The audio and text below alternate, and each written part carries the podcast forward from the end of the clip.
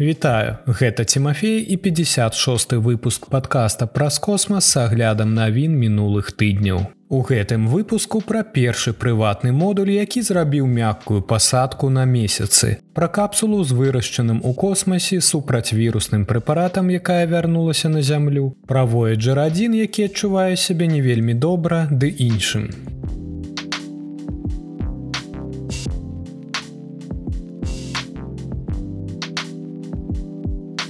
Амерыканская прыватная кампанія Intuitive Машын з 22 лютага здзейсніла гістарычную пасадку на месяц. Адысеас або Адысей рабатызаваны пасадачны модуль пабудаваны х'юстанскай кампаніі Ingenuity Machines прызямліўся каля паўднёвага полюсу месяца 22 лютага. Гэта быў знакавы момант для засваення космасу. Ніводны прыватны касмічны карабель ніколі раней не здзяйсняў мяккую пасадку на месяц, а амерыканскі апарат не садзіўся мякка на шэры месяцовы бруд з тых часоў, як гэта зрабіў пілатуемы пасадачны модуль NASAа Аполлон 17 у снежні 1972 года. Месяц быў частай мэтай амерыканскіх касмічных карабляў у 1960-х і пачатку 1970-х гадоў. Гэтая цікавасць ідзе не з проста навуковай ідэі. Высадка астранаўтаў на найблізкім суседзе зямлі разглядалася для нацыянальнай бяспекі. спосаб прадэманстраваць тэхнічную перавагу над супернікам ЗША ў халоднай вайне.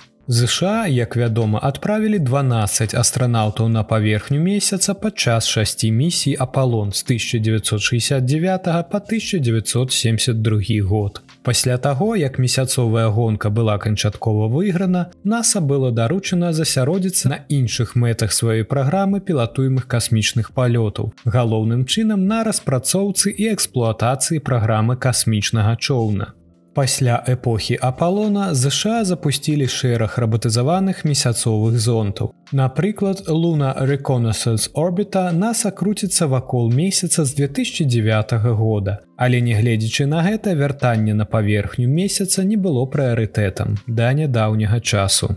У снежні 2017 года тагачасны прэзідэнт Дональд Трамп загадаў NASAа вярнуць астранаўтаў на месяц у адносна найбліжэйшай будучыні. Гэтая дырэктыва паклала пачатак шырокай і амбіцыйнай праграме пад назвай Атэміс. Мэтай якой з'яўляецца усталяванне доўгатэрміновай і устойлівай прысутнасці чалавека на месяцы і вакол яго, а таксама выкарыстанне атрыманых пры гэтым ведаў для дапамогі астранаўтаў з місіяй да марса, якая планавалася да канца 2030х ці пачатку 2040х гадоў. NASAа плануе стварыць адну або некалькі баз атаміс у паўднёвым палярным рэгіёне месяца, які, як мяркуюць, змяшчае шмат вадзянога лёду. Аднак перш чым адправіць туды астранаўтаў агенцтва хоча сабраць больш дадзеных аб гэтай маладаследаванай вобласці, каб дапамагчы вызначыць, колькі вады яна змяшчае і наколькі лёгка атрымаць доступ да гэтага найважнейшага рэсурсу. Таму NASAа стварыла яшчэ адну праграму пад назвай CLPS камерцыйнае абслугоўванне месяцовай карыснай нагрузкі, якая стварае дадатковыя паездкі для навуковых інструментаў агенства на рабатызаваных месяцовых караблях, пабудаваных амерыканскімі прыватнымі кампаніямі. І вось тут на дапамогу прыходзіць Intuitive Machines. У 2019 годзе NASAа выбрала Intuitive Machines для дастаўкі партыі навуковых інструментаў агенства на паверхню месяца з дапамогай пасадачнага модуля кампаніі Новасі памерам прыкладна з тэлефонную будку. Пасля некаторых змен кошт замовы склаў 118 мільёнаў долараў. Ён ахопліваў транспарціроўку шасці эксперыментаў агенства і дэманстрацыі тэхналогій у рамках першай місіі Intuitive Machines, якую кампанія называе AM1. У гэтай місіі удзельнічае карабель Новасі Адысей у гонар знакамітага героя-вандроўніка з грэцкай міфалогіі. Інструменты NASAа, распрацоўка якіх абышлася агенству ў дадатковыя 11 мільёнаў долараў, прызначаны для правядзення розных даследаванняў. Напрыклад, адзін з іх, названы NDL, Навігацыйны інструмент для дакладнага вымярэння хуткасці і далёкасці выкарыстоўваў тэхналогію для збору дадзеных падчас зніжэння і прызямлення. І гэты прыбор ужо адыграў жыццёва важную ролю ў прызямленні. Але пра гэта крыху пазней. Іншы інструмент быў распрацаваны для вывучэння таго, як выхлапныя газы рухавіка касмічнага карабля ўзаемадзейнічаюць з месяцовым брудам і камянямі. Іншы інструмент прадэманструе тэхналогію аўтаномнага пазіцыянавання, якая ў канчатковым выніку можа стаць часткай шырокай навігацыённай сістэмы падобнай GPS, але на месяцы і вакол яго. Кампанія Intuitive Machines таксама размясціла на модулі 6 камерцыйных грузаў для IM1. Адзін з іх належыць кампаніі Каламбія, знакамітая кампанія, якая стварае адзенне абутак і аксесуары. Яна хацела пратэставаць свой ізаляцыйны матэрыял у глыбокам космасе. Іншы груз набор скульптур мастака Джефа Кунса пад назвай бяспечнае месяцовае сховішча, мэта якога дапамагчы захаваць скарбніцу на запашаных чалавецтвам ведаў. На модулі таксама прысутнічае іглкам. Сістэма камер, створаная студэнтамі універсітэта аэранаўтыкі. Ігалкам была распрацавана для разгортвання і аддзялення з адысея на вышыні каля 30 метраў над паверхняй месяца і фатаграфавання прызямлення пасадачнага модуля знізу. На момант запісу падкаста кампанія Intuitive Machines пакуль не падзялілася фотаздымкамі з месца пасадкі. Але калі гэта здарыцца, то я абавязкова апублікую гэтыя эпічныя здымкі ў сацыяльных сетках падкаста. Місія IM1 стартавала 15 лютага, калі ракета SpaceX Falcon 9 адправіла Адысея да месяца. Падарожжа пасадачнага модуля ў глыбокі космас было кароткім і адносна плаўным. Хоць перад пасадкай ён меў некалькі праблемаў. Модуль прыбыў на месяцовую арбіту, як і планавалася 21 лютага. Аднак 22 лютага на завяршальным этапе спробы прызямлення аператары пасадачнага модуля выявілі, што лазерныя далямеры, якія дазваляюць яму вызначыць вышыню і гарызантальную хуткасць, не працуюць належным чынам. Таму каманда задзейнічала эксперыментальную карысную нагрузку NASAа для выканання гэтай жыццёва важнай функцыі, адклаўшы спробу прызямлення на две гадзіны, каб прывесці ў дзеянне новы план. Гэты абыходны шлях у апошнюю хвіліну, які запатрабаваў ад каманды распрацаваць праграмны пач на зямлі і перадаць яго адысею спрацаваў.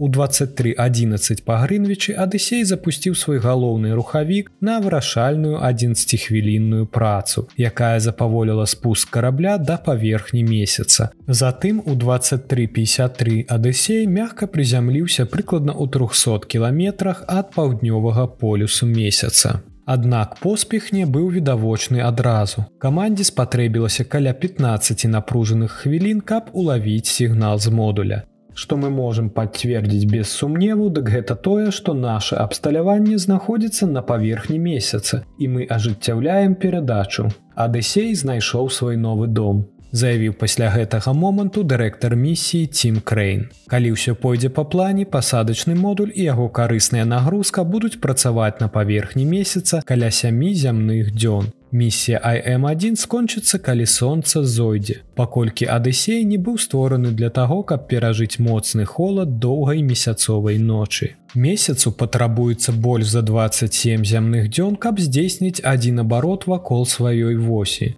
Таму кожная месяцовая ноч доўжыцца прыкладна два тыдні. IM1 з'яўляецца часткай новага шляху да месяца, але гэта не адзіная кампанія. Напрыклад, пітсбургская кампанія Астрабоцік запусціла свой месяцовы пасадачны модуль Перегрин у мінулым месяцы. Але Перегрин, які таксама дастаўляў карысную нагрузку NASAа па праграме, сутыкнуўся з сур'ёзнай уцечкай паліва адразу пасля разгортвання верхняй прыступкі ракеты. Праблема перашкодзіла яму дабрацца да месяца. І астрабоцік у канчатковым выніку правяла яго да кантраляванай гібелі ў атмасферы зямлі 18 студзеня.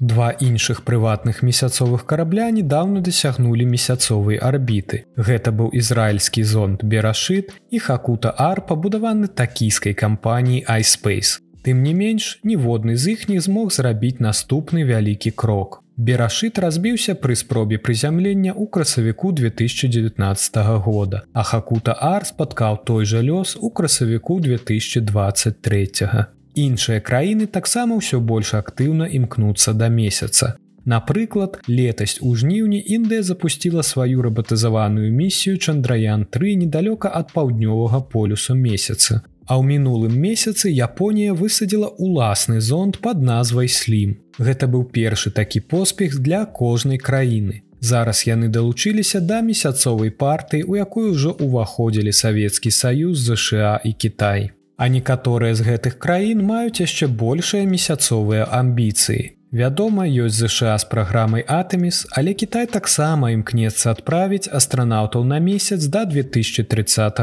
года і працуе сумесна з рассіяй і шэрагам іншых краін над стварэннем месяцовага аванпоста пазней у гэтым дзегоддзі. Такім чынам месяц становіцца аб'ектам увагі для краін і прадпрыемстваў па ўсім свеце.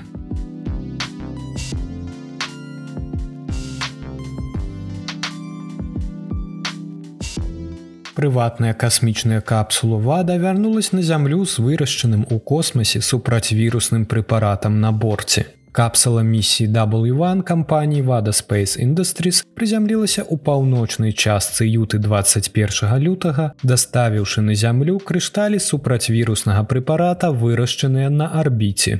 Гэты поспех робіць варда трэцяй кампаніі, якая даставіла з арбіты непашкоджаны касмічны карабель. Два іншых гэта аэракасмічныя гіганты SpaceX са сваім транспартным сродкам Драган і Боинг з капсулай Starлайнер. Па словах кампаніі варда плануе стаць буйным гульцом у сферы пазаземнай вытворчасці. І гэты варыянт вытворчасці прапануе некаторыя інтрыгуючыя перавагі апрацоўка матэрыялаў ва ўмовах мікрагравітацыі або амаль без важкасці ў космосе прапануе унікальнае асяроддзе недаступнае пры зямной апрацоўцы. Гэтыя перавагі ў першую чаргу вынікаюць з адсутнасці сіл канвенцыі і седыменцыі, а таксама ў здольнасці ўтвараць больш дасканалыя структуры з-за адсутнасці гравітацыі, гаворыцца на вэб-сайце варды прыватныя кампаніі і раней вярталі на зямлю касмічную прадукцыю. Напрыклад, каліфарнійская кампанія Made in Space некалькі разоў прывозіла дадому дарагое аптычнае валакно. Але кампанія Made in Space вырабляла прадукцыю на борце міжнароднай касмічнай станцыі і дастаўляла аптычнае валакно на зямлю ў капсулах SpaceX Dragon.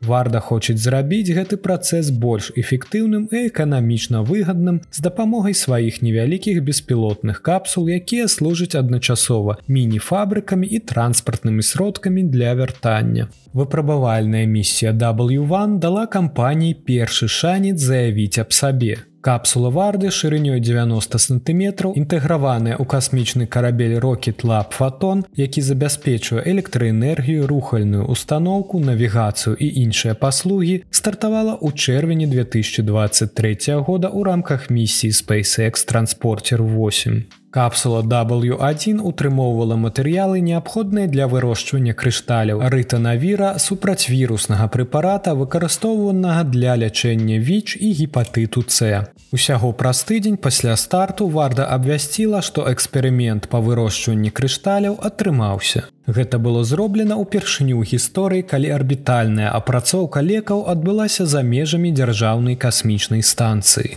Варда планавала даставіць гэтыя наватарскія крышталі дадому ўсяго праз месяц ці два на арбіце. Але ў кампаніі ўзніклі праблемы з атрыманнем неабходнага дазволу на паўторны ўваход у атмасферу ад федэральнага ўправлення грамадскай авіяцыі ЗША і ўзброеных сіл ЗША, якія кіруюць мэтавымі зонамі прызямлення. Адабрэнне нарэшце прыйшло на мінулым тыдні і кампанія пачала рыхтавацца да манёраў W1 па ўваходзе ў атмасферу.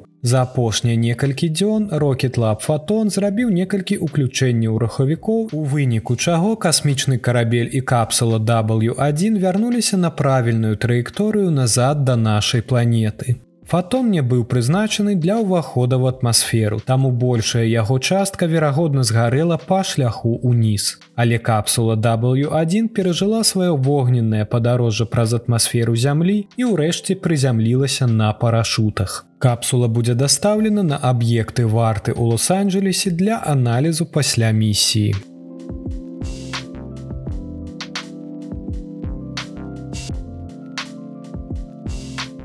Міжзорны касмічны карабель NASA Voyager 1 адчувае сябе не вельмі добра. Яшчэ 12 снежня NASAа падзялілася трывожнымі навінамі аб Voyager 1. Першым зонце, які пакінуў гравітацыйную частку нашай сонечнай сістэмы і ўвайшоў у ізаляваную міжзоркавую прастору. Акружаны цемрай Voyager 1 здаецца дае збой. Ён існуе ўжо больш за 45 гадоў, забяспечыўшы нас скарбамі такімі як адкрыццё двух новых спадарожнікаў Юпітера, яшчэ аднаго неверагоднага кольца Сатурна і дае цёплае пачуццё, якое ўзнікае ад усведамлення таго, што кавалачкі нашага жыцця будуць дрыфаваць па космасе. Але зараз лёс Voyager 1 здаецца нявызначаным. Па стане на 6 лютага NASAа заявіла, што каманда працягвае працаваць над аднаўленнем працаздольнасці касмічнага карабля. Інжынеры ўсё яшчэ працуюць над рашэннем праблемы з дадзенымі на Voyager 1. Мы можам размаўляць з касмічным караблём і ён нас чуе. Але гэта павольны працэс, улічуючы неверагодную адлегласць касмічнага карабля ад зямлі. Паведаміла лабараторыя рэактыўнага руху NASAа. Ёсць і пазітыўны бок. Хоць Voyager 1 знаходзіцца вельмі далёка ад нас, але наземны кантроль можа дасылаць каманды. Фактычна летась навукоўцы перадалі некаторыя абнаўленні праграмнага забеспячэння касмічнаму караблю, а таксама яго аналагу Voyager 2 з адлегласці ў мільярды кіламетраў. Праўда, з-за гэтай адлегласці зваротная сувязь паміж Voyager 1 і кім-небудзь зямлі займае ў агульнай складанасці 45 гадзін. Праблема, як зразумелі інжынеры, звязана з адным з бартавых камп'ютараў Voyager 1, вядомым як сістэма палётных дадзеных. Рэзервовая такая сістэма перастала працаваць у 1981 годзе. Сістэма палётных дадзеных не ўзаемадзейнічае належным чынам з адной з падсістэм зонта з блокам тэлеметрычнай мадуляцыі. У выніку ніякія навуковыя або інжынерныя дадзеныя не адпраўляюцца назад на зямлю. І гэта вядома нягледзячы на тое, што наземны кантроль сапраўды можа адпраўляць інфармацыю на Voyager 1, які на момант запісу падкаста знаходзіцца прыкладна ў 162 астранамічных адзінках ад нашай планеты. Адна астранамічная адзінка роўная адлегласці паміж зямлёй і сонцам, або прыблізна раўна 149 мільёнам 600 тысячам кіламетраў. Праблема сістэмы палётных дадзеных Voyager 1 упершыню была заўважана ў мінулым годзе. Пасля таго, як зонд перастаў адпраўляць дакладныя дадзеныя і пачаў збіраць смецце. Як тлумачыць нас у сваім блогу, адной з асноўных задач сістэмы палётных дадзеных з'яўляецца збор інфармацыі аб касмічным караблі з пункту гледжання яго працаздольнасці і агульнага стану. Затым ён аб'ядноўвае гэтую інфармацыю ў адзіны пакет дадзеных, які адпраўляе назад на зямлю. Інжынеры спрабавалі выключаць і ўключаць зонт нанова. Гэта не спрацавала. Затым у пачатку лютага Сюзана Дот, кіраўнік проекта Voyager, распавяла, што каманда, магчыма, нарэшце вызначыла, што адбываецца сістэмай палётных дадзеных. Тэарэтычна праблема заключаецца недзе ў памяці сістэмы. Магчыма, нейкі камп'ютарны біт быў пашкоджаны. Аднак, на жаль, інжынерам цяжка высветліць, дзе менавіта можа існаваць магчымае пашкоджанне. Яны ведаюць, што касмічны карабель павінен быць жывы, паколькі яны прымаюць сігнал апорнай танальнасці. Даўжыні хваль такога сігналу не носяць інфармацыі, але тым не менш яны з'яўляюцца сігналамі падобна сердца біццю. Таксама варта ўлічваць, што Voyager 1 ужо сутыкаўся з праблемамі і раней. Напрыклад, у 2022 годзе ў сістэме вызначэння становішча і кіравання зонда ўзніклі некаторыя збоі, якія ў канчатковым выніку былі выпраўленыя. І нешта падобнае адбылося з Voyagerом 2 улетку 2023 года. Будзем спадзявацца, што рашэнне будзе знойдзена, і мы ўсё-такі зможам атрымліваць інфармацыю з гэтага касмічнага доўга жыхара.